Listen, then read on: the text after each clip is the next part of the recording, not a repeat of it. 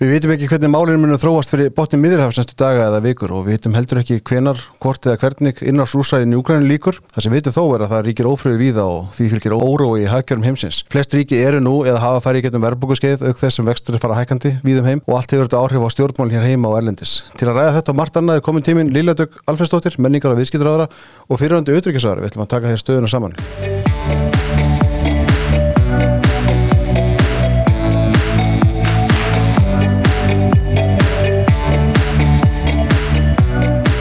Liljaðök, velkomin. Takk fyrir. Þú er komin hér yngar loksins. Það er hérna, ef við ekki upplýsa höfðu hlustundur um það, þú áttur hérna gamalt heimbóð sem við erum að, þú ert að þykja nú. Algjörlega. En verður velkomin, gaman að fá því. Já, takk sem ég leiðis og takk fyrir þáttinn og, og hérna og takk fyrir að stuðla að upplýstir og góðri umræðu um efnahags og alþjóða og stjórnmálinn. Já, takk fyrir það. Það er bara mikið, mikið mitti hér að fá þetta frá ráþæra fjörmila. Herðu, það er hérna, sko, það er svo margt sem við getum rætt, en hvað er það að byrja? Ég var að byrja á kannski, já, atbyrjum síðustu daga og, og, og kannski síðustu þekja vikna, það er hérna, svo hendum okkur bara beint í djúbræðina, það er hérna, þessi ofrið sem ríkið þá fyrir botni Mérhás sem hefst auðvitað með árás hamasliða og Ísælska borgara á laugadag í þessu stu viku.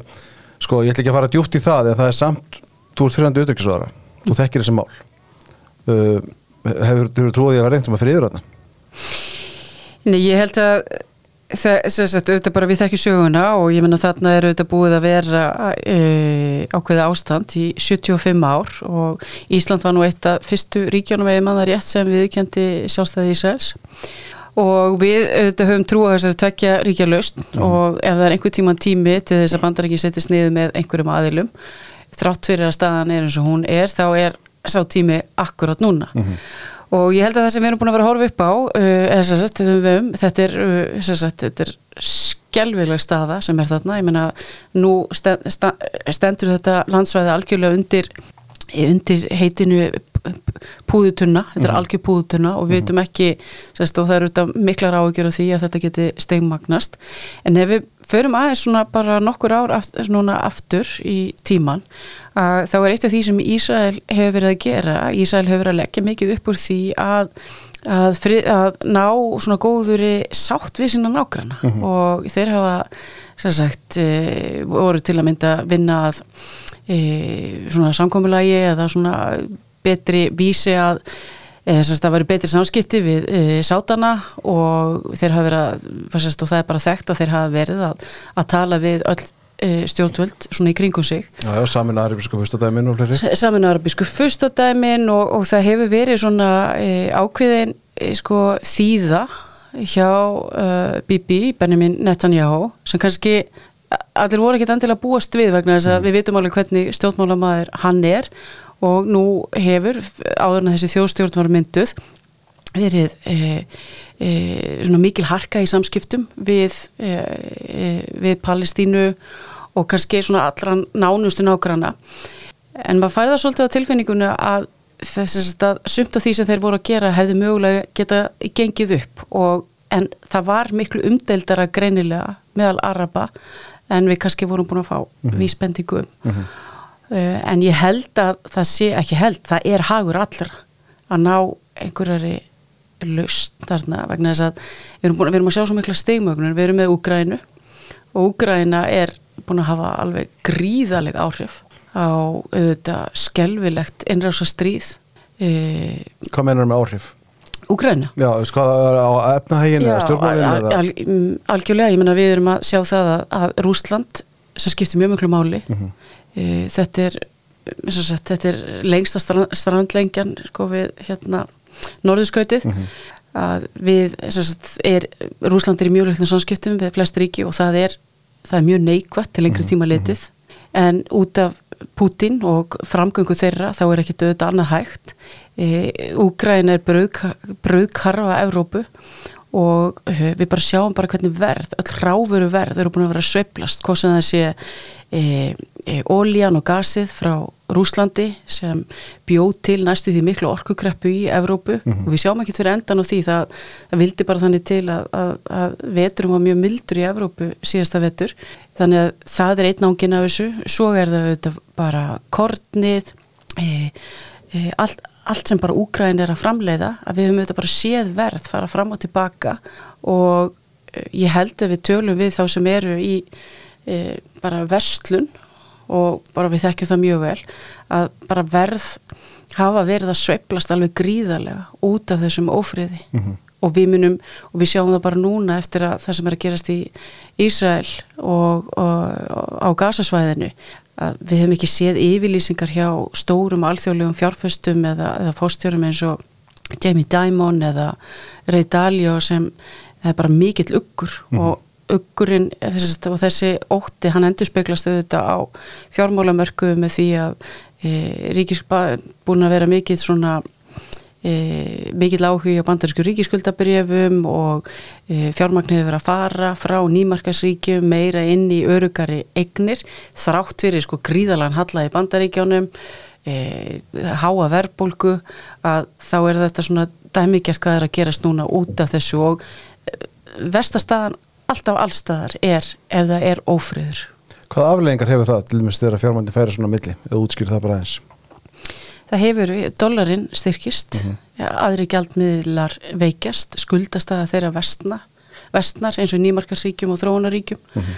sem gerir, e, sem, sem veldur því og við auðvitað þegar sáum á síðasta vetri eins og Sri Lanka var í miklu vandræðum og, e, og fleiri ríki og það þýðir að það er auðvitað meiri óróleiki og við erum búin að ná talsverðum fram að þessu, þessu fram að COVID-inu vorum við auðvitað búin að sjá mikið, margar þjóðir voru búin að vinna verulega gegn fátækt mm -hmm. og svona velsalt búin að vera aukast mjög víða í heiminum en við sjáum mögulega fyrir miður svona ákveðin viðsnúning hjá mörgum ríkjum sem þóla illa svona sveplur mm -hmm.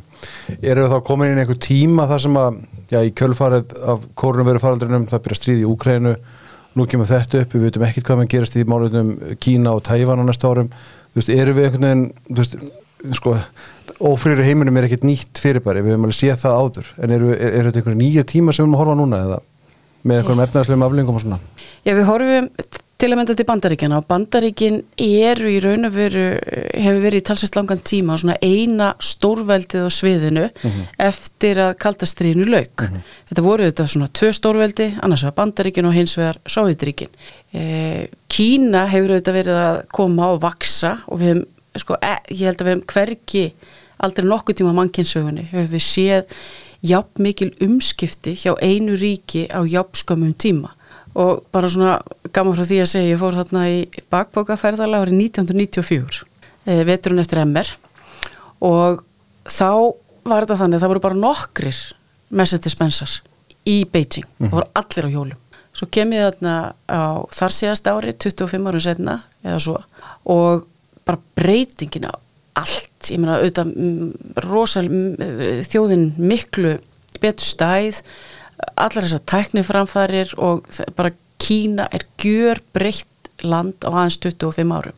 Og fyrir við aftur eh, til bandaríkjana það sem þetta veldur raun og veru gríðilega mikið á viðbröðum bandaríkjana og bandarísku stjórnmál mm -hmm.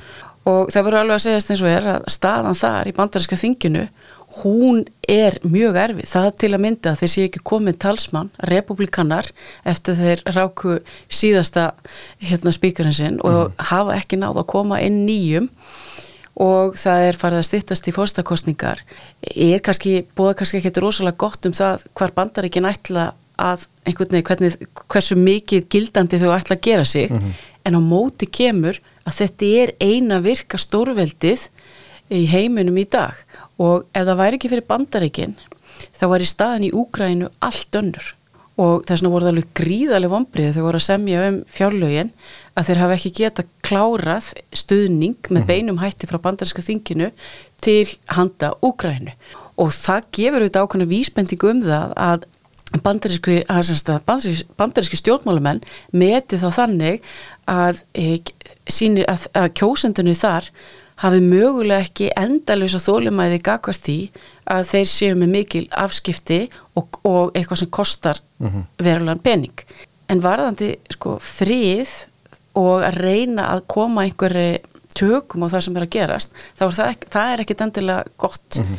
og ég til að þessi leikilatriði að þeir stýi inn í búðutununa með mjög afgerandi hætti til þess að, að reyna að ná tökum á þessu svo að þetta stegmagnist ekki. Og það sem er að gerast þar auðvitað er að e, þeir eru mjög, það komi nýja verðbólkutölur í síðustu viku og verðbólkan, ég held að hún sé 3,7% hún var meiri en þeir höfðu gert ráðfyrir og nú eru margir að segja, betur hvernig stendur á því að vextir eru, eru þeir hafi ekki verið hærri í 22 ár en venjulega við lítum á hérna, hérna klassísku Philips kurvu, kurvu að þá er vextir hækka þá eikst atvinnuleysi. mm, mm.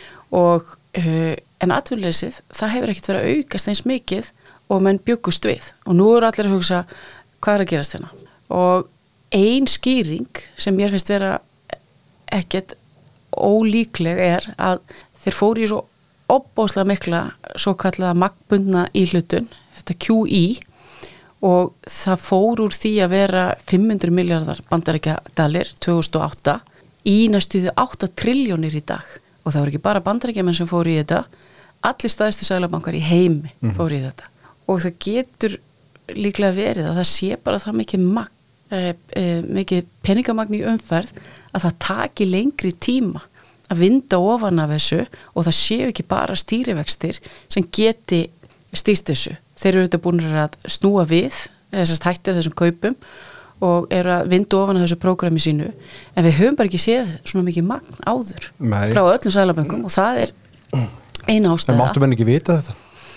Jú en svo er þetta, er þetta oft þannig að þú veist, sæðlabankar eða ríkistjórnir fara á staði í einhverja vegferð og hún bara virkar ágætlega ég menna mm. þú veist, það er þetta þannig að Ben Benarki sem var sæðlabankastjóri í fjármála krísunni þeirra 2008, hann var sérfræðingur í kreppinu miklu og þá var sagt að Sælabankin þar hefur klikkað algjörlega að því að hann, sagt, hann dró allt penningamagn úr umferð og stýrivextu voru svo háir og þess vegna varð mikið fjöldagjaldrótt en þú veist, menn deila um það hvort að þetta hefur ástæðan. Mm -hmm.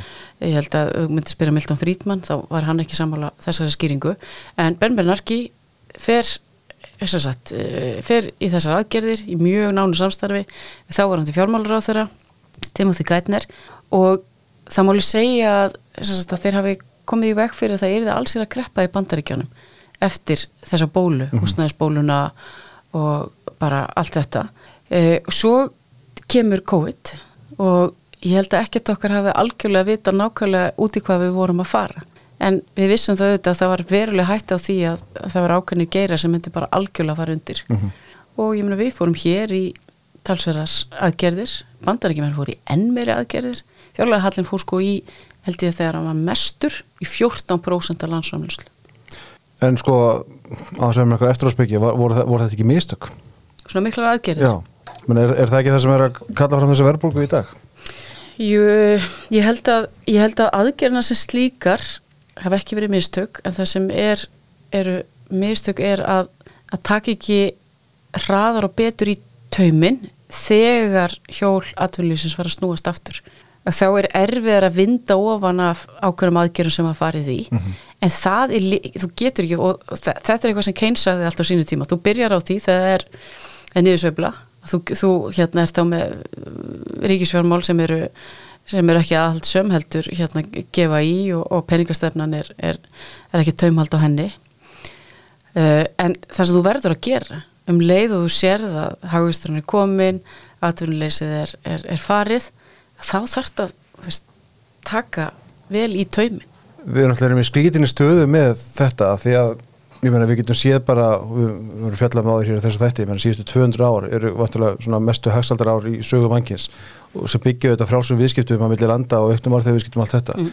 Eh, síðan erum við alltaf inn og komin á þann stað árið 2020 að við handskrúum niður hagkerfi heimsins, við hefum aldrei gert það áður auðvitað hafa komið stríð og kreppur og allt það en, en það er eitthvað sem leirir sig á okkur tíma en þarna tökum við ákvörðun, ekki bara íslensk stjórn bara heimurinn sem slíkur umhverjunni bara já, ég, ég segi handskrúa niður hagkerfin, bara slökku á þeim til að, mm. til að stoppa útbrösta á þessari veiru. Það er ekki verið gert áður, þannig að við, það er auðvitað að greina einhverja afleggingar af því eða átt að sé afleggingunum kannski þá. Ég menn, ég ég er algjörlega samanlegar, ég menna það er, ég menna við sáum það að til að mynda og eitt af því sem við erum að, eh, erum að fylgjast mjög vel með og reyna að finna leiðir hvernig við getum haft jákvæða áhrif inn í næstu uh, uh, kjærasamninga uh, er að reyna átt okkur á því bara hvaðan er þessar miklu hækkanir að koma og hversu lengi verða það er í kjærmánum okkar. Og eitt af því sem við sáum er að til að mynda flutningskostnaður á COVID-tímum og aðeins eftir COVID-tímana hann jógst um 40% og þú getur ímyndaður hvaða áhrif það hefur á alla, allan kostnað og, og sjokkið inn í kerfinu allt í hennu þegar, þegar flutningar hækka svona greiðlega Já, já. og það er alls konar svona, svona breyti sem, sem fara á stað, ég menna annars sem við erum að upplifa er að út af um, hlýlandi loslægi, loslasbreytingum að við erum að horfa oftar upp á uppskerubrest og meðal annars vegna þess að hækkaði kaffi um 90% en það er alls konar svona, svona aukar en ég er nú samt að vonast til þess að, að við sjáum að, sagt, að það er aðgerið sem bandaríski sælabanki fór í það er, er fór, ég meina verðbólka þar, ég held að hún hafi farið hún var í kringum 10% og hún er komin í 3,7 en og auðvitað það mikill árangur að ná þessum tökum á verðbólkunni á svona skömmum tíma.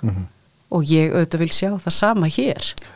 Ég ætla að að koma því eftir en eh, kannski spyr það í framöndunum samt sko, er, erum við komin, þannig að við erum ekki endilega komin inn í tímabil uh, mikillar verðbólku að horfa að vaksta, varanlega Þetta er þessi spurning sem allir er að spyrja sig að eh, ég held að þegar það er svona rosalega óvisa í alþjóða stjórnmálum að þá sagt, þá kæmi mann það ekkert óvart að þú ert ekki búin að vinda ofan að þessu peningamagni að verðbólkan geti orðið eh, hún er, hún er allavega svona tregari Mhm. og hún er hærri en við gerðum að margir gerður ráð fyrir svo eru líka svo eru líka kenningar um það að, að því að þess að svona staðista breytan sem er að eiga sér stað núna bara heimsvísu uh, er hækkandi lífaldur. Og vegna hækkandi lífaldurs og þá sem er í spartnaður og það munur svo vinna gegn þessari, þessari verbulgu sem við erum að fást við núna. En spurningin er allt þetta snýst allt um tíma. En meðan það er þessi áhættakerfinu eins og við erum að tala um, ég menna það er verið að vinda ofan að þessu, þessu rosalegu magböndinu í hlutun stuðningsaðgernar eru greinilega enn að hafa áhrif, en svo er kannski líka annað sem við meðum ekki gleyma, ég menna þú ert með 10% halla á ríkisfjármálum eins og bandaríkin eru með. Þá gefur þetta eitthvað eftir. Ég menna það er rosalega mikið magna af alls konar pappirum í gangi út um allt, ofgnótt og þeim. Og það er verbulgum myndandi bara út af fyrir sig. Þegar þú ert með allan hennar halla. Og alltaf við kíkjum á bandaríska hagsöguna að þegar hallin verður svona mikill að þá myndast verbulga og hann er þá drifin áfram af e, því að, að ríkisfjármálin er ekki nú aðhaldsum og það er bara ekki gott jafnvel þó þú sést með sko e, þann gjaldmiðl sem þykist einna, sem þykir tröstastur En er nokkuð nógu mikill kvati bara fyrir stjórnbólminn almennt til að draga úr verðbólgu? Er er ekki miklu skemmtilegra að eða peningum og Horfðu þú á mig? Jú, ég menn það er það er auðvitað kvati að draga úr verðbólkunni vegna þess að ég menn ef við bara til og með þetta horfum á þá ágætu ríkistjóð sem ég seti í, ég menn að ég er alveg vissum að það sé hægt að gera einhver svona aðkvarsgreiningu, tölfræðilega að, aðkvarsgreiningu sem gengur út á það að, að, að, að fylgi ríkistjórnarinnar e, sveiflast með e, fylgis, fylgi mingar þegar verðbólka hækkar Mhm. og ég held að það eigi við um flesta, flest öll, alla, alla pólitík allstæðar að ef það er ekki fyrir sjáanleiki og þú veist ekki nákvæmlega bara eins og margir að lendi í að þeir sjá afborgun, þeir sem eru með breytilega vexti og það var nú hægt að setja það líka inn í þessa hérna tölfra hérna greiningu mína já, já. að þú finnur fyrir þessu. Og, og þá skiljanlega þá finnst fólki að það sé einhver einhver brestur í kerfinu. Og þannig að hvatin fyrir okkur er alltaf nummer 1, 2 og 3 að ná tökum á þessari verbulgu vegna þess að sagan sínur okkur að hér á landi, allstaðar annar staðar að það eru ekkert óbúslega margi sem, sem, sem hérna græða mikið á verbulgu Nei, nei. Við sáum um daginn um, Jamie Dimon hjá DP Morganbankanum, hann talaði um að það var miklu óvissu tíma framöndan í, í alþjóðakerfinu og tengdi það auðvitað svolítið við bara þau átök sem hafa ríkt við það og auðvitað kemur þetta inn í það sem við erum bara ræða afleggingarnar á COVID. Þú veist, er, á þess að við séum eitthvað svarsinn en það er, er ástæð til að hafa áhyggjur á næsta árum ef Þeir- þeir sem stýra peningunum hafa greinilega smá já, ég menn ef atvinnustíð helst tokkalegt, það er að segja að verður ekki hérna því að sko það sem hann ég hérna uh, las, las þetta sem var haft eftir honum og, og hvað var raunverulega að segja, ég meina ástæðan fyrir því að ég held að hann komið fram með þetta er að, að JP Morgan var að skila alveg meðtaknaði mm -hmm. og það var kannski þvert á það sem margir greinundur heldu og hann er svolítið að segja sko, þú veist við, þú veist, ástandið á eftir að vestna og það sem hann hefur líklega áhugjur af er að í þessu e, að e, atvinnuleysi farið að, að fyrirtæki mm. ráði ekki við þetta háa vakstastig og að þurfa að segja upp fólki að því það eru miklu dýrar að halda í fólk og annað sem er að gerast í bandaríkjónum sem er nýtt og ekkert ósipað hér er að það er gríðarlega spenna á vinnumarkanum. Mm. Það er óbúslega erfitt, ég menna einu ástafnu fyrir því að, að uh, kostnæður flutninga hefur aukist, það er bara eins og ég skilða bara mjög erfitt til að mynda að fá uh, fólk til þess að keira þess að risa trukka út um allt og þá auðvitað ef atvinnleysi fyrir að aukast þá hefur ræður fólk ekki við sínar áborganir mm -hmm. og þá myndast ákveðin fjármálega óstöðuleiki og það og það eru það sem við erum að reyna að koma í vegferðir að, að við getum náða að við að bara Sæðlabankin ríkisjóður mm -hmm. og vinnumarkaður nái að, að vera með þannig stefnu að við sláum á þessar allt og háu verbulgu væntingar markaðurinn þarf að trúa því að við náum þessu niður Uh, og um leið og sérst, menn sjá að það er að gerast og kemst meira jafnvægi þá þurfum við ekki að hafa kannski þessar áhyggjur. En, en það sem hann er auðvitað að gefa, gefa eins og ég skil þetta er að, að, að bankanir þurfa að vera undir það búinir að afskriftir fara að aukast. Mm -hmm. Já, já. Já, já, mæntalega er, er stýra svolítið af því. Eh, þú, þú talar aðeins á hann um nýmarkasríkin og, og að fjármæð hefur verið að flýtast um millir landa. Eh, hefur, eða er að skapast eitthvað svona, eða að segja, valda ójabægi í heiminum millir ríkja og svona háð efnahag? Ný, ég held að hérna, öll þjóðuríki, það er eitt sem skiptir öll þjóðuríki máli, það er greiðslujöfnurinn. Hvernig mm -hmm. gengur, hvernig gengur ríkjónum að, að, að pluma sér í, í þeim sko í þeirri, ekki bara áttu, heldur bara hvernig gengur það upp. Ég held að hérna e, nei, ég meina, ég held að bara það reynir auðvitað bara rosalega mikið á. Þeir eru komið svona tvö uh, stríð sem eru mjög þung í mannfalli og fólk er að deyja og þetta er svona hérna, þetta er náttúrulega óbáslega sorglegt að þá hefur það svona neikvæð áhrif bara á vendingar og fjárfestingar og mhm. fjárfestar mm. vennilega þegar umhverfið er svona þá halda er fyrir ykkar að sér höndum mm. nú getur ímyndaðar áhrifin á bara alltaf þá erlendu fjárfestingu eða allt sem fólk var að hugsa um á þessu svæði núna, ja. alltaf allir að sér höndum ja. og hvað gera er e e e eitthvað eitthvað eitthvað fer fjármagnið og þá leitar það til ríkja eins og bandaríkjana til örugra ríkja eins og Sviss eða mm það sem menn telja að verði vöxtur og það sem er fríður og best alltaf að öllu er að það ríki fríður að því að þá er ákveð tröst og samvinna og slíkt og það býr til hagvöxt. Þannig að við erum ekkert í ég held að hérna þjó því að ég hef mjög gaman að lesa hérna Rey Dalio að hérna sko, menn eru ekkert fólk sem er að fylgjast með markaðunum og fylgjast með því sem er að gerast að það eru þetta þungt hljóðið í fólki út af akkurat þessu mm -hmm. að því að það verður ákveðin stöðn þú ferði ekki að fjárfesta í mögulega einhverjum nýsköpunafyrirtækjum eða einhverju nýri tækni að því að þú veist ekki nákvæmlega hvað er að fara að gerast mm -hmm. og öll óviss eins og óvissan í hérna, bandariska þinginu hún er ekki jákvæð mm -hmm. þess vegna var þetta mjög jákvæð þegar það er ekki óvissa um, um, um, um stjórnar farið eða hvernig það all lítur út? Já, já. Vissulega, en við sjáum líka innan Evrópusambansins, ég minna við vitum að ríkja eins og Ítalija, uh, Gríkland hafa verið miklu vandræðum síðust ár uh, á meðan Þískland hefur til dæmis verið með burðugt, síðan þetta kemur orkukrísa þar og það komur vandamál en það er kannski eitthvað sem er ráða bara við. Já, ég, erum við ekki samt að sjá ég menna Þískland var auðvitað að keira ákveðið svona efnahagsprogram sem -hmm. gekk út á það að þeir myndu flytja inn ódýra orku -hmm. frá rúsum -hmm.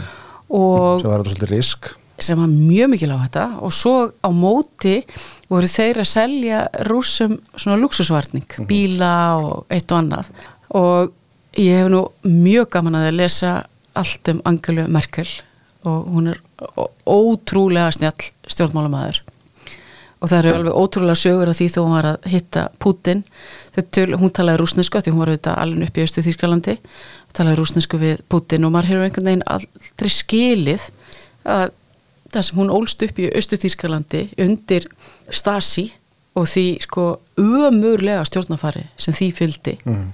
ekkert frelsi eftirlits eh, vera fylgjast með fólki allstaðar og það var meirist að þannig hjá Angelu Merkel að, Stasi um fylgdist með hérna hún skildi og, uh, og ég er ekki upp, upplýsum neitt leyndamál, þetta er í æfisögun hennar og svo var hún svona hitt einhverja stráka eftir, eftir það. Þetta var allt til á fæl hjá Stasi.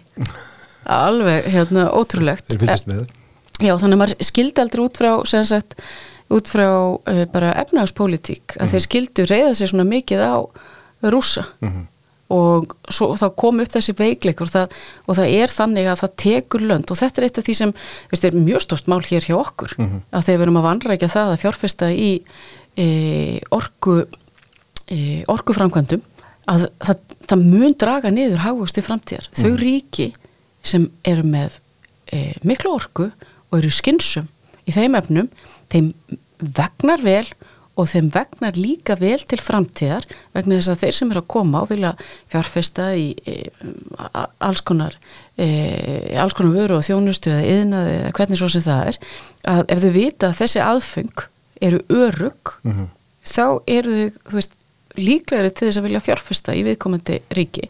Og það til að mynda að þeir hafi vanrækt þetta og tekið þessa ákvörðun í samband við kjarnorkuna er að hafa áhrif á horfur og vaksta uh, uh, sérst, og bara hagasta þróun í Þýskalandi ekki bara næstu tveimur árum ég myndi segja næstu 5-10 árin vegna þess að þetta bara tekur tíma að setja á stað uh, að búa til nýja orkugjafa. Þannig að, þannig að ég, ég held að Þýskaland, ég held að það sem sé búið að vera erfitt hjá Evrópusambandinu er að Þýskaland hefur ekki verið tilbúið til að taka að sér þetta fórustu hlutverk sem í raun og veru að kannski að er eðlilegt að ríkja þessari stærð og með þessa getu geri en þá kemur þetta sagan inn í uh, setni heimstyrjöldin og þeir eru, hún er enn skamma sinna ennþá fyrir það. Já, ég menn þeir eru enn, ég menn þeir, þeir, þeir fóru ekki að flagga þýska fánanum fyrir að var það ekki 2006 sem heimsmeistra var haldin hjá þeim og þeir bara higg ekki við að segja þetta. Og svo eru þetta, þú veist, eh, samskipti þeirra við, eh, ég menna frakkar líta, ég menna þeir líta á sig sem leiðtóan í hérna í, í Evrópu en þeir Þeir, þeir eru ekki næstum sterkinum að, að frakkar og þjóður er vinni vel saman. En það sem ég held að sé að standi Evrópu fyrir þrifum er í raun og veru bara líð, líðfræðileg samsetningarnar. Evrópa bara eldast mjög rætt og þú bara sér það á, á Ítalju, ég menna þeir skulda 140-150% landsframlýslu. Þeir eru, ég menna, vaksta álaga og ítalska skuldir er búið að vera auka skrýðarlega þegar þessi óróleiki er og þeir hafa aldrei tekið algjörlega á sínu málum, ég menna, þeir hafa búin að fara í gegnum allir þessa skuldakreppu mm -hmm. og grættu á því að, að þess að, ja, grættu, ég segi eina gæsaleppa að, að, að kjöru sem þeir fengu endur speikluðu kannski að einhverju leiti þau kjör sem þjóðverðar voru að fá og þeir voru með þessa sammeilhegu mynd, en það hefur líka valdið því að þeir hafa ekki farið í neinar álfuru kerfis umbætur á sínu hagkerfi til þess að taka á þessu. Mm -hmm. Þjóð, já, já, þjóðin er eldast og við sjáum það við með örbu sem því það líka það eru færri viljandi hendur að bera upp í velferðarkerfin. Einhver, einhver afleggingar lítur það að hafa? Já, það getur, sagt, það getur haft sagt, þar afleggingar að, að við séum með viðvarandi spennu og vinnumarka þegar vantar fólk. Mm -hmm. Og þess vegna eru sagt, þau ríki sem eru með skynsanlega innflytjandastefnu sem miðar að því að, að, hérna, að fólk komi og e, og við erum að fá vinnandi hendur mm -hmm. þeim vagnar betur mm -hmm. Þú myndist aðeins á hann á Rey Dalio hann, mm -hmm. hann heldur nú út í bloggi sem er hérna, mjög vinsalt og var að skrifa þar aðeins um heimsmálun um daginn og hann var nú ekkert allt og bjassinn, hann er kannski ekki bjassinn og þú Nei, hann eins og mjög margir hafa mjög mikla ráðgjur af því sem er að gerast í sko fyrst hann skrifar eftir að stríða hefst í, í, í Ísæl og hefur mikla ráðgjur af því. Og annað sem við sjáum líka og mér langar að nefna er að það sem, það sem gerist oft þegar verða svona átök og við sjáum uh, sérstaklega í núna átökin á milli sagt, uh, Ísrael og svo uh, hvernig Palestína er að, sagt, að því Gaza og Palestína og tvekja uh, tvekja þjóðarlausni eða tvekja ríkja lausnin og allt það er að þetta hefur líka áhrif inn í Evróp og það var eitt af því sem hérna Reit Aljó var að segja að þetta, þetta er svona sundrungar þetta er sundrung, þetta er ekki þetta er ekki einhver, einhver saminníkar að sjálfsögðu. Þetta veldur sundrungu og ég var að fylgjast með því að, að það hafa verið miklu deilur núna á mörgum bandariskum háskólum.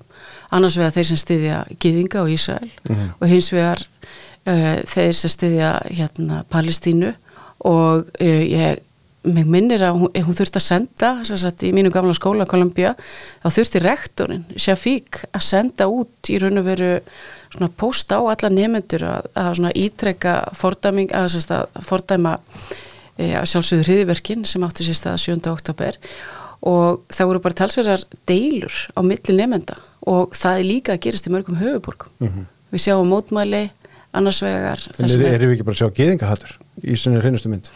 Jú, ég menna það er að gerast, ég menna við sáum til að mynda að menna geðingum og, og, og stuðnismönnum Ísraels var misbóðu til að mynda bara Vembli hafi ekki verið upplýstur í, mm. í fánalitum Ísraels og ég menna þessu umræða var líka hér mm -hmm.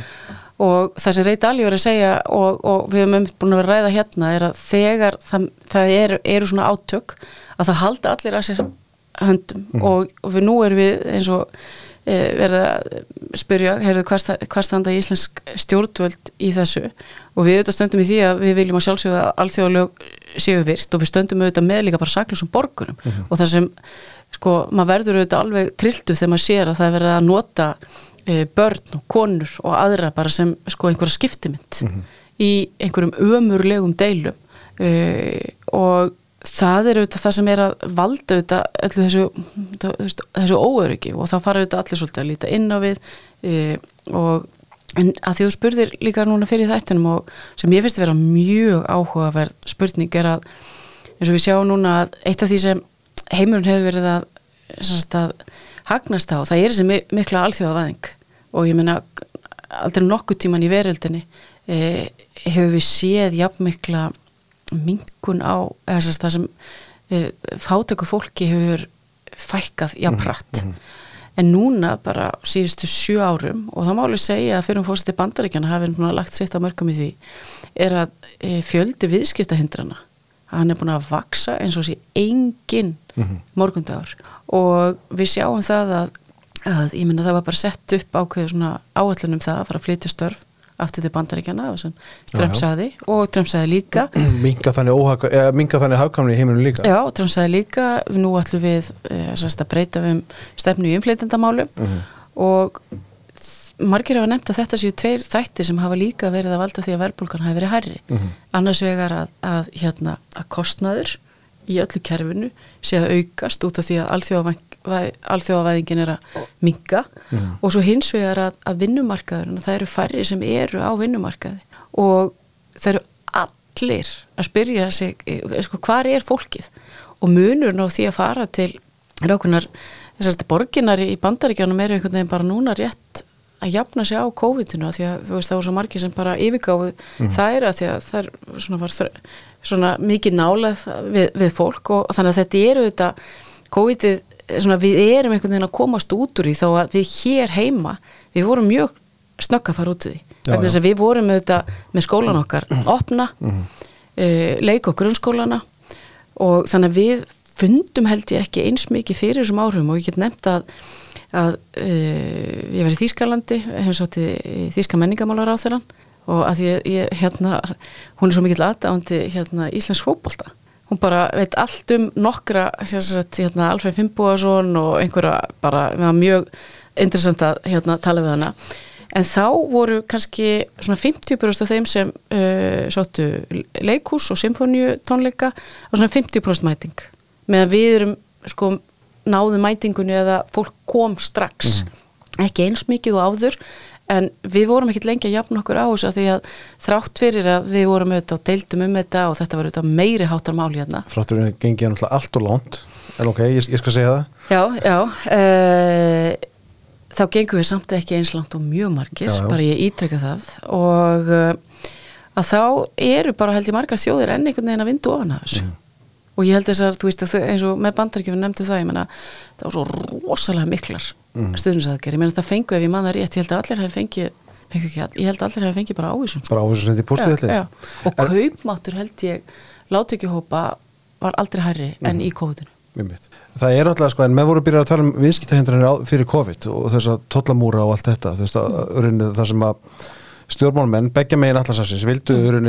draga úr alþjóðaviðskiptum, bara þannig að það, það er einhvern veginn sem er mjög mikið áhugjefni ef, að- ef að slíkur málflutningu fær einhverja svona fær, fær býr í seglinn sko. Meina það er, ég meina Ísland fer að að fer að eh, um leið og við fórum að stunda alþjóða viðskipti aftur mm. -hmm. allir ekki að fara yfir alla eh, 11. 12. og 13. öldina en við vorum þá mjög opið hagkerfi Mhm. og við, Ísland er svona alveg skólabókadæmi um lítið op, opið hagkerfi sem hefur nýtt sér alþjóða viðskipti til hins ídrasta byrjum á því að auðvitað flytja út hérna, fisk og svo fyrir við inn í hérna og erum að, höfum verið að efla okkur að í orkuútflutningi í gegnum uh, álframlegslu, svo er það ferðarþjónustan og svo er svona hugverkadrifin þetta hugverkadrifna hagkerfi okkar.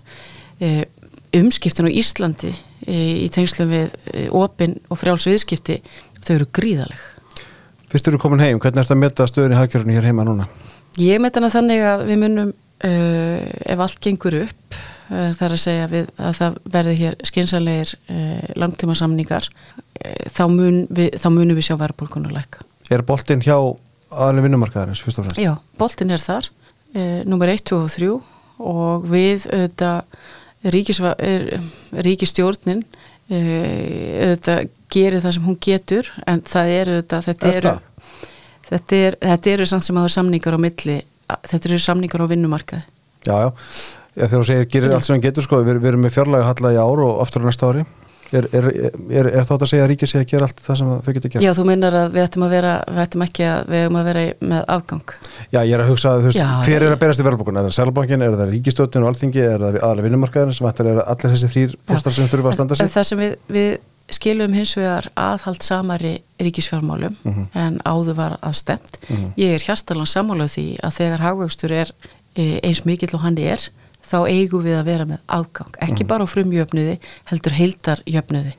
Og við erum núna til að mynda þeir málaflokkar sem ég er með við erum með, við erum með aðhald allstaðar nema þó á fjölmiðla vegna þess að það er bara einn staðisti markasprestu sem við séð í langan tíma með tilkomu eh, sem sagt, ég ætla nú ekki að fara yfir það við getum tekið annan þátt í, í, í því en það er aðhald allstaðar og við erum líka að e, hægraða innan þess kerfi sem við erum með og það er ákveðin tækifæri sem felast í því líka. Um, en það er ekki hins vegar það á ekki við ef við lítum á allt sviðið. Ég hefði viljað sjá meira aðhald og einhvern veginn teki þetta þannig að við varum komin í heildarjöfnuð en ég er hins vegar ánað að sjá að þetta stefnir allt í rétta átt. Við erum búin að sjá skuldir fara, ég menna hlutfall skulda, skulda hlutfall, hlutfall á Íslandi er að vera mjög jákvætt. Það sem er hins vegar ekki gott og ég telrendar að við getum náð þeim vakstakostnaði niður er að, að við erum að greiða of háa vexti erlendis miða við grunngerð hagkerfisins. Við erum hagkerfi sem er að vaksa við erum með tiltölulega við erum með aldursamsetningin er hagstæðar en mjög víða.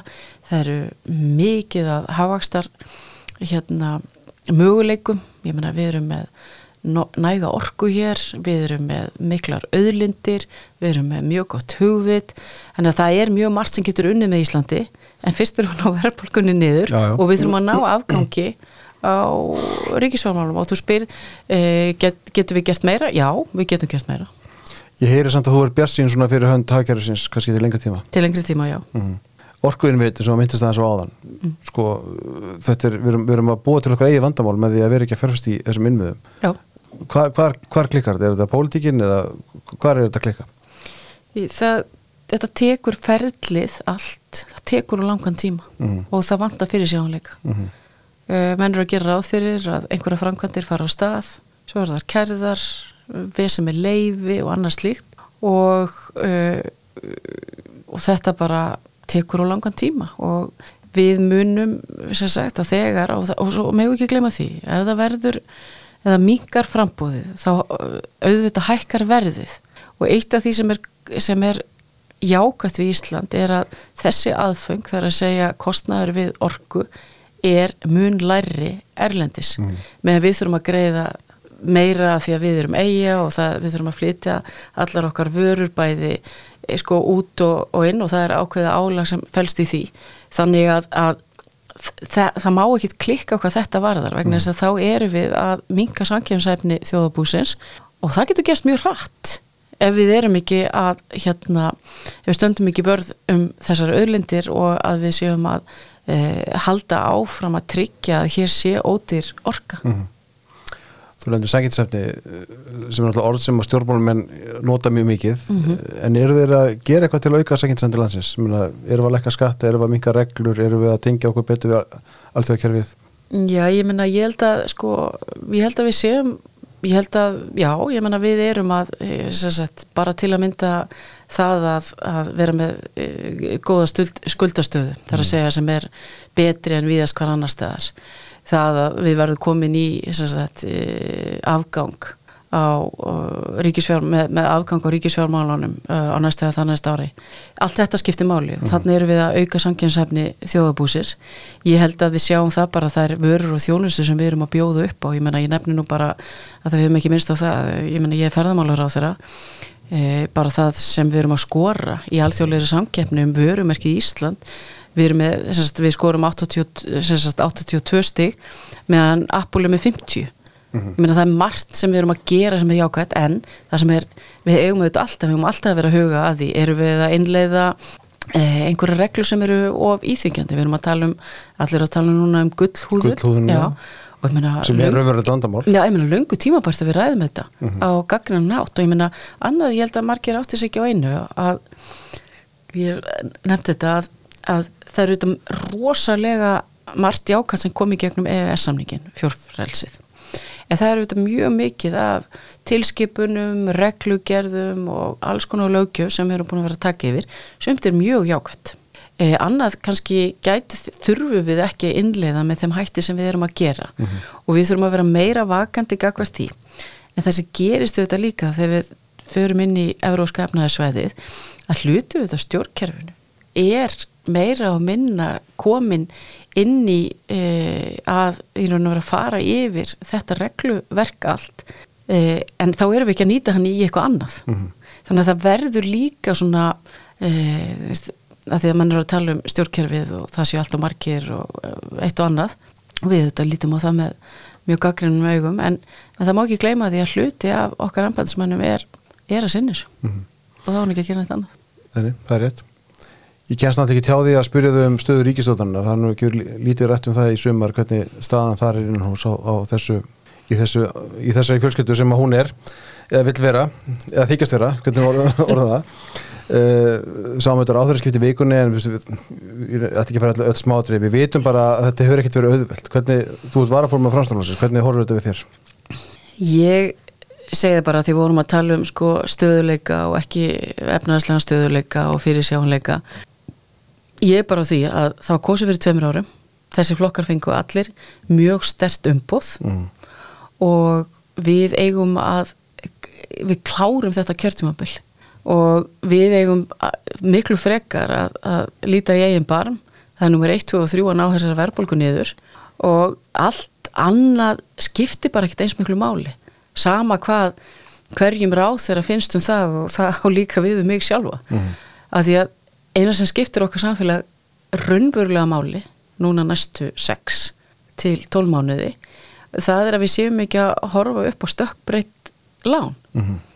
Og að við séum ekki að sjá allt og marga sem er einhvern veginn fastir með mjög háar afborganir að lánum eh, að því að það er heilmikið álag líka á, á, á, sem sagt, á þessa vexti sem er verið að setja og þetta auðvitað dregu niður allt sem heitir væntingar og bara fjárfestingar og annars slíkt. Og ríkistjórnin allir á þeirra lögðu mikla áherslu á það að þetta væri forgangsmál, nummer 1, 2 og 3 og ég bara treysti því að, að, að svo verði, svo er það bara þannig ég meina, það kom alltaf upp ákveðna deilur. Og sérstaklega eftir voru ekki einhverju að segja, betur, hvernig er þetta einhverju samböndum, að eftir einhvern ákveðin tíma Jú, kemur einhver þreita og er, er, er ekki þessi ríkistjótt bara einhvern veginn, einhvern veginn, einhvern veginn stöttar en, en, en svo bara, þú veist, það því við erum maður aðeins að gantast hérna, en sko fólki er bara alveg sama hvort það sé einhver þreita hjá okkur, þau bara kjósa okkur til þess að gangi í þessi verk sem eru kosin til e, fara á fullan kraft í efnaðasmálin og svo verður bara að vinna með rest Mhm. Já, já. Það er, það er, já þú komst aðeins inn á aðan sko að vinseldi ríkistöðunar kannski minka þegar að verðbóka neikst. Það stundur satt að stjórnmál snúist kannski meira og minna bara um heimilisbókaldi fólki. Og leið þú finnur fyrir því að heimilisbókaldi verður þrengra eða erfiðara að þá ferðu að, eða þá skapast kannski einhver, ef að segja, pólitískur óróleiki og þá minna í samfélaginu ekki Já. bara inn á alþingi. Uh, það, við vitum að það eru endurretningur, þú komst aðeins inn á það, það er endurretningur á, á á að að það getur auðvitað reynst mörgum svolítið þungt Já. skapast á pól, pólitískur óruleiki í samfélaginu eða, Ég bara, meina, eða ekki þetta ég pólitískur, bara óruleiki Já, ég, meni, ég, ég held að við séum alveg byrjuð að sjá vísið að því Mm. ég, meni, ég held við sjáum það alveg að það er svona það er ákveðin hittamælir á ríkistjórninni Mhm. núna út af verbulgunni og ég meina það eru auðvitað vombriði að sjá að verbulgan hér hafi ekki lækkað Mhm. jafn mikið og í, í löndunum í kringum okkur við höfum séð meiri kaupmátt hér og ekkert aðtölinni ekkert heita meiri spenna á vinnumarkaði hér en við annars þar og það, að þannig að það ási staðu þetta ákveði sko leiðrétting eða hagkerfi þarf að fara í ákveði jafnvægi og það er að gerast akkurat núna. Og það er uh, það er ekkit, það er ekkit einn skemmtilegt og þegar hlutinir eru að vaksa og, og eða þegar við erum með verbulguna undir, undir hérna þegar verbulgan er á verbulgumarkmiðinu og ég held að við munum bara finna fyrir því þar til að við erum búin að ná betri tökum á þessu. En við erum staðráðin í því að gera allt sem við getum og, og alveg eins og við fórum í þessar COVID aðgerir við höfum auðvitað að hafa nákvæmlega sama viðþór við gerum það sem þarf. Og það sama á við um verbulguna en það einhvern veginn kannski var meira svo ég fái svona að sletta örgjens í þá en það á að vera þetta það, nákvæmlega sama hugafar og eins og ég segi, þú, þú, þú gefur í og svo verður þú líka að taka tilbaka og ég meina ég gekk í gegnum þessa umræðu til að mynda eins og við, við með kvikmyndir á sínu tíma. Ég meina Geirin var mjög ósáttu við mig þegar það var verið að taka COVID-innspýtinguna út. En það stóð alltaf til. Við getum ekki hérna, við getum ekki verið að reka ríkisjóð með hérna í hallu upp á 10% eða þó að var ekki nummer 5 og, og með og okkar að við þurfum alltaf að standa okkur aðeins betur en, en margir aðrir af því að við erum smá og við þurfum að vera e, geta hreift okkur rætt þegar það verða áföll hvernig stundu okkur betur en aðrir? hvernig förum við að því? Ég við stöndum okkur betur með því að vera með afgang við stöndum okkur betur með því að, að það sé ríki hér jafnvægi og fyrirsjáleiki á vinnumarkaði við stöndum okkur betur með því að vera að passa alltaf upp á að atvinnulífið okkar sé sankjumsætt með því að við séum ekki að, að setja of íþingjandi e, reglur en pössum samt að sé ákveðin rammi í kringum þau. Og að við séum e, já, ég meina það eru margar, ég meina ég vann við það í mörg ár að e, stöðlega því að, að ríkisjóður hækka lánshæfisengur ríkisjóðs Íslands. Og þar voru við alltaf að einblýna á það, ég meina hvernig eitt af því sem við fengum góða einhvern fyrir var til að mynda bara stopnana umgjörð á Íslandi og, og uh, hátt mentunastig þjóðarins Já, herðu, við ætlum að skella okkur í smá kaffihúsaspjall Já. þá kveiki hérna réttri kaffihúsatónlist og hérna hugmyndar á þjóðmála kom saman í morgun til að undirbúa það. Það er hérna í því sýta fjölmargir aðalar sem að hafa ímisliti málun að leggja. Fyrsta spurningar listar endur af hverju var þjóðmálum ekki búið í ammali Lilju? En eh, kannski var eitthvað að vera fara í það sem var haldið um daginn. Það verður bara, það verður næst. En við skilum bara ammali skvæði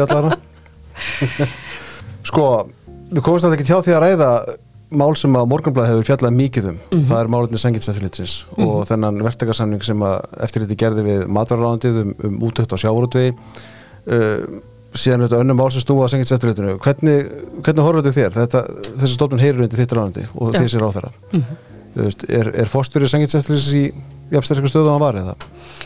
Nú er það svo að samkynnseftiliti það ríkir alveg gríðalegt sjálfstæði um öll störf samkynnseftilitsins og það er meiri svo svo Ja, þeir segja það þá til að gera samning við annar ja, ráðandi býtu, við, getum alveg farið, hérna, farið yfir, yfir, yfir það.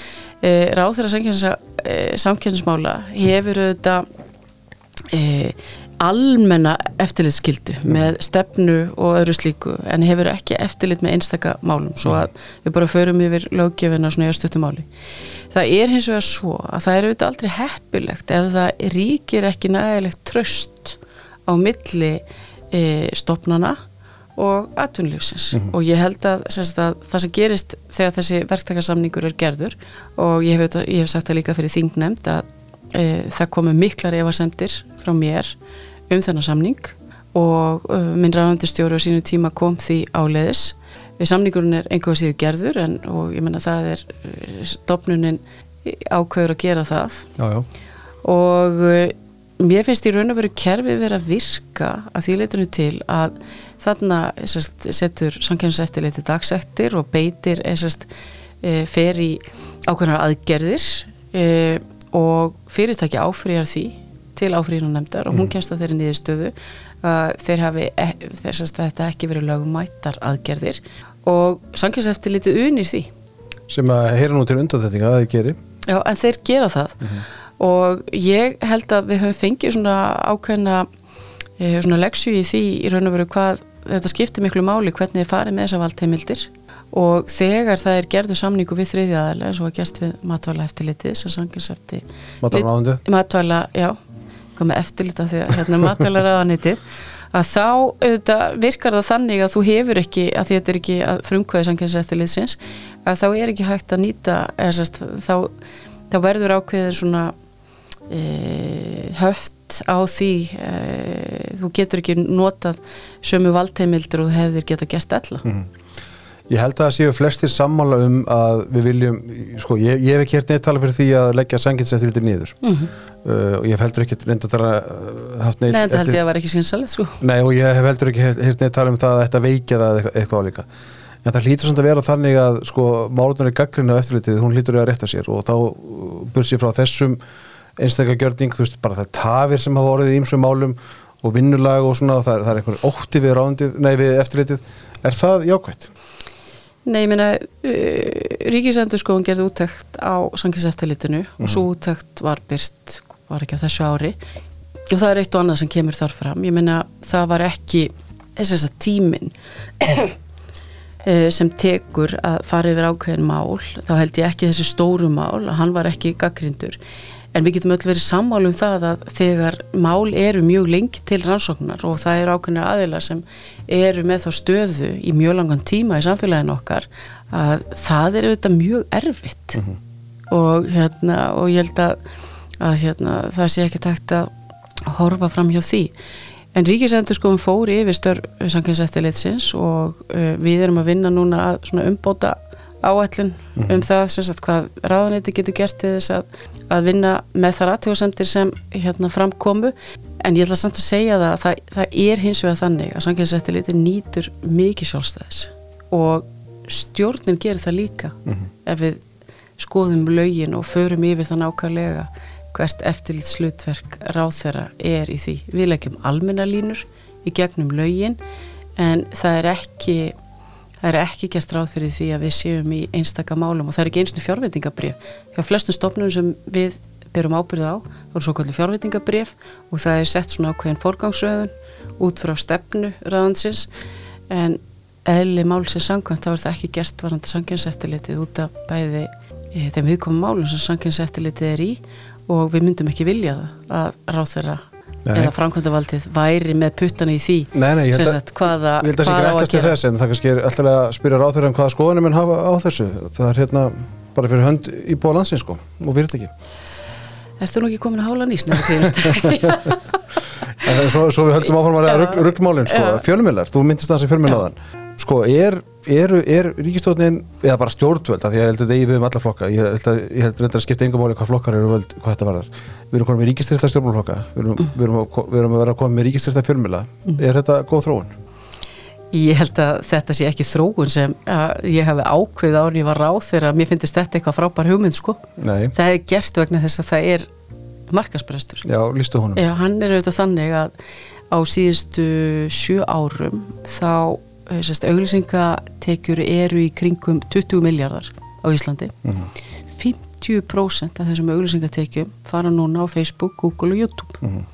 þannig að landslag er að segja e, tekjumótil íslenskra fjölmjöla og ekki bara íslenskra er brostið og ég tel að í ljósi mikilvægi fjölmjöla að þá sé e, e, brínt að við séum með einhverjar tímabundnar eða einhverja bjargir að norrætni fyrirmynd.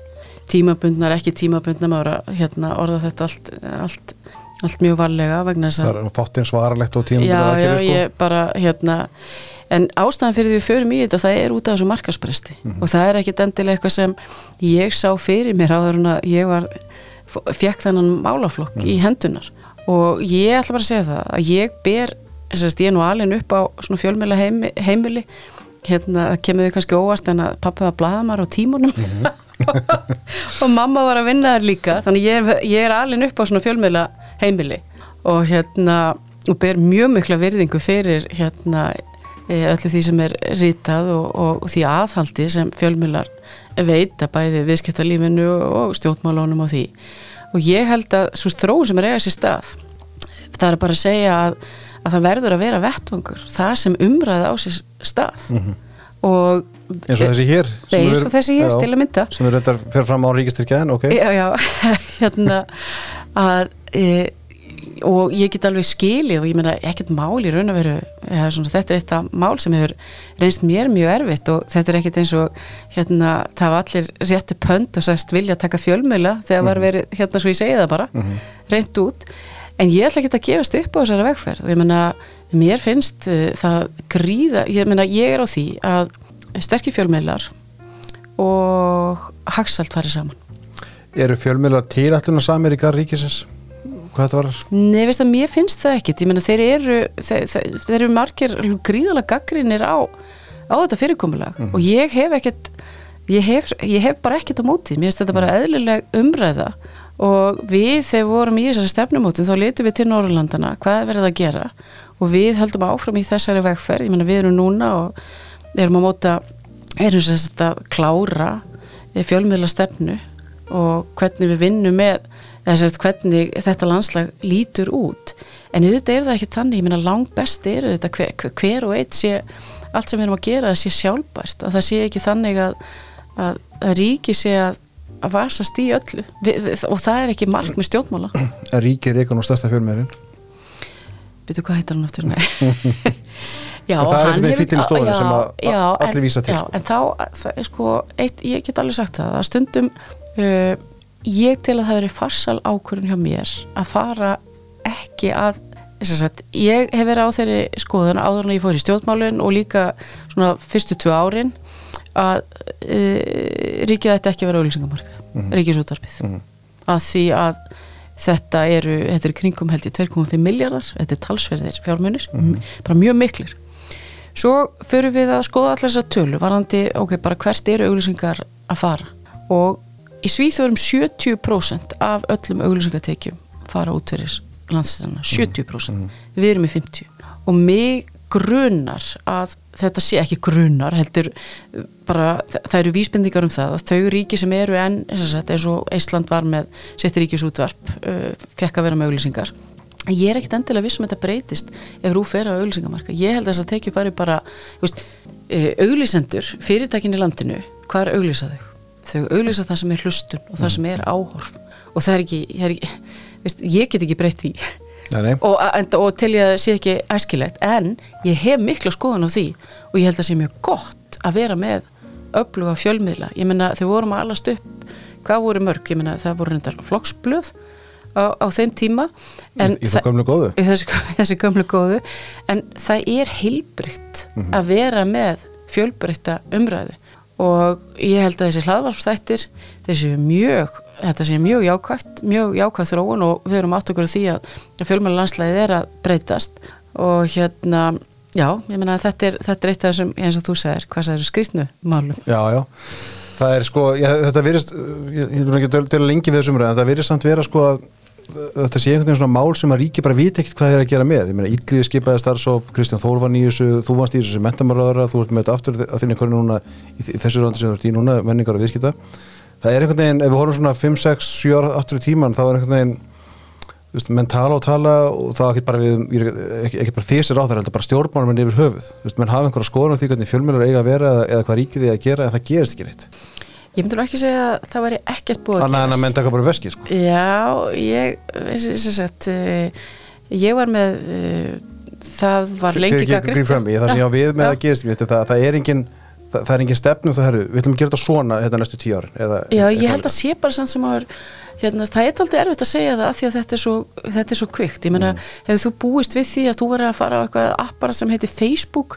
daglega hérna fyrir 15 áru, nei, Nei, nei, nei. og eða þú veist hérna að krakkarniðinir væri að endast, þú var alltaf að pæla í hvað það væri að horfa á YouTube, Mhm. nei, við bara þú veist, þetta er svo ímislegt sem við sjáum ekki fyrir. Og ég held til að mynda þarna að ef ég hef tekið rúf af auglýsingamarkaði að ég held að þetta hefði þá bara verið enn meira útflæði. Mhm. og bara svo ég segi það en ég skil eins og er alveg þessa skoðun. Og ég, ég meina, þetta er svo málaflokku sem mér finnst hann, það er langmesta áskorun í honum vegna þess að það er engin, veist, þú getur gert kvikmyndastefnu, þú getur gert stefnu um, um tónlist og ég meina tónlistin okkar og allt er að blómstra og, og ég meina ferðamálastefnu sem við erum að vinna, hún er mjög spennandi við erum að horfa mögulegar hérna svona frekar auðlinda nýtingu í tengslu og tengja sama ferðarþjónustuna, allt mjög spennandi. En fjölmiðlar eru þetta þannig að þetta er líka sagt, viðkvæmt þegar ráþur er að stíga með einhverjum afgerandi hætti. Hann langar það ekki drosalega mm -hmm. því að þú, þú vilt hafa fjölmiðlarnir séu alveg gríðarlega sjálfstæður og ég, og ég skil þessa gaggríni sem ríkistyrkinni fá. Og ég get alveg hérna, fjarlæðin frá þeim frá mér er eins mikil og hugsa getur. Uh, og en að því að þú segir en við settum þó á laggina við, við, við tókum tókum hérna ríkisútvarpið, við vorum með aðskilnaði í sambandi við það hvernig hérna, e, við settum upp dóttufélag, sem hafði ekki verið gert í einhver tíu ár.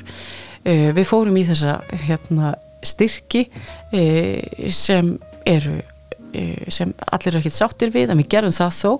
Og nú erum við að vinna þessari fjölmeila stefnu og ég menna eitt af því sem hefur komið þar upp er til að mynda, við erum að skoða núna að setja í samfunnu við háskólastíð og, og háskóla ráþera e, nám í fjölmiðlun á bíastíði, ekki meistarastíði e, við erum að skoða hvernig verður samspil núna á næstunni veist, vaskur, ekki vaskur og alls konar svona. Og þetta er, þetta er eina nýja fjármagnir sem ég fekk inn í mína málaflokka.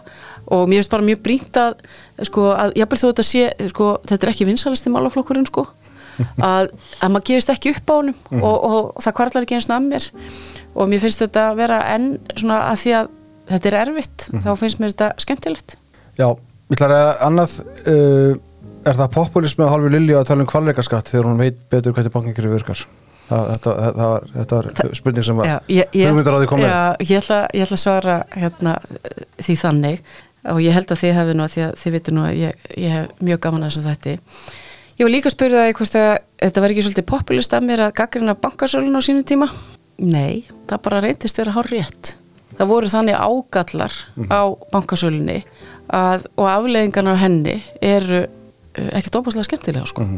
Vegna þess að það var aldrei hugmyndin að eftir að við fórum í þessi stöðuleika hérna framlög og fengum Íslandsbanka það var aldrei hugmyndin að ríki væri með meiri hluta eigu í öllum helstu fjármálastofnunum hérna um eitthvað áratuga skeið eftir fjármálarun Já, en það að það hef ekki verið ég, ég, skal, ég skal taka undir það að það hef ekki eftir að vera populismi. Það er þetta líka bara gaggrina prakt, Nei, hvernig en- praktisk að, aðferðin við sölun er. Já, og ég meina, en það var sagt, býtu, hvernig getur hverju, af hverju er þetta? Gaggrind er þetta, þú veist, eh, það eru margir sem og ég var gaggrind fyrir nákvæmlega sama hlut. Ástæðan fyrir því að, að hérna, að ég hef verið að tala um kvalreikaskatt því, að áttökur á því að hann er tímabundin ég spái því að það sé að gerast sem ég sagði held ég fyrir ekki að öruglega, hvað ætla að sé 18 eða 24 mánuðir að ég fór eitthvað að nefna þetta, er að það er að eiga sér staðu þetta ákveðin í verbulgu að þá eru sumir sem e, fjármagseigendur sem eru með verðtryggingu, þeir hagnast í því árferði. Þeir sem skulda, þeir tapa og þeir tapa verulega. E, það er auðvitað mikilvægt að bankanir og eins og við vorum að tala um hérna Jamie Dimon og Ray Dalio og fleiri það sem þeir eru að segja þessir kappar er bankar þurfa að huga að því að þeir séu mjög vel fjármagnaðir vegna þess að við erum mögulega að horfa upp á afskriftir í þessu árferði. Já, já, ég er auðvitað að beina líka sjónum eh, okkar að því umröðin og það tókst alveg upp á tíu að við fjöllum svolítið um það hvernig eh, hvaðan eru tekjur bankan að koma? Og við skilum skýslu sem ég saknaði þess nú að þið hérna, ég þá nú eiga sérstangan þátt um þá skýslu það kemur í ljós að vakstamennurinn hann er að aukast. Það kemur í ljós að það er eitthvað gengis ála á alla korta færslur hefur þú trúað því að það vera hagkamara fyrir þig að vera með reyðu fyrir erlendis en að nota hérna greiðslukostið ég meina það er alls konar svona þetta og þetta er það stjórnmálum en eiga að gera. Við eigum auðvitað að veita ég meina það er auðvitað miklu þægilega fyrir mig bara að vera besta vinkuna bankana en ég er viðskiptar á þeirra ég er með neytendamálin, ég er með samkynnsmálin og ég er kjörin til þess að veita þessu kerfi og öðrum kerfum aðhald þannig að ég og þú og fleiri séum að, að ekki að greiða óþarlega mikið fyrir þjónustuna og það sé sambarilegt það sem er að gerast við Evrópu. Og hérna það er alveg rétt að, að íslenska bankakerfi og ég veit, að, veit það manna best að, að þeir greiða meiri skatta. Uh, þeir eru með hærra fjö og en að því að fjöð er meira að þá er líka erfira Að- að að já, og það er erfira fyrir þá að vera með þessa háa arsemi Mhm. sem þið þó eru með. Og ég, mér, veist, ég bara ákvað það svo ég, ég ákvað það áður en að, að, því ég fór í stjórnmálin að það væri bara best að segja frá því hvernig maður er að greina stöðun og hvernig maður telur að hlutinir þróast til þess að vera undibúin þegar að því kemur. Og við, þú veist, það er algjört líkilatriði, við náum þessari verðbólku niður, svo við séum ekki að draga niður gríðarlega bæði að sagt, svigrum sem fólki í landinu hefur til þess að bara ganga frá þeim skuldbindingum sem þeir hafa. En þú talar svolítið eins og að bankandi séu almennt að svína á neytendum sem þeir auðvitað eru ekki að gera. Þú veist, það er, þetta kemur, þetta kemur, þetta kemur þetta til að því. Nei, ég, ég er bara að veita aðhald og mér finnst hérna e, og þeir finna alveg fyrir það, ég ætla ekki að fara að vörð til bankana nei. bara, hérna, þú veist ekki, hérna, búin að taka við hérna upplýsingafulltrúa hérna, fyrir bankakerfi, ég veit allt um það hérna, uh, en, en uh, mér finnst bara eins og við sjáum að þetta er bara svo stór þáttur auðvitað húsnæðisliðurinn og afborganar og húsnæði og við megum aldrei einhvern veginn lenda aftur í þeirri stöðu eins og eftir fjármálurhunnið að heimilin séu skilin eftir Mhm.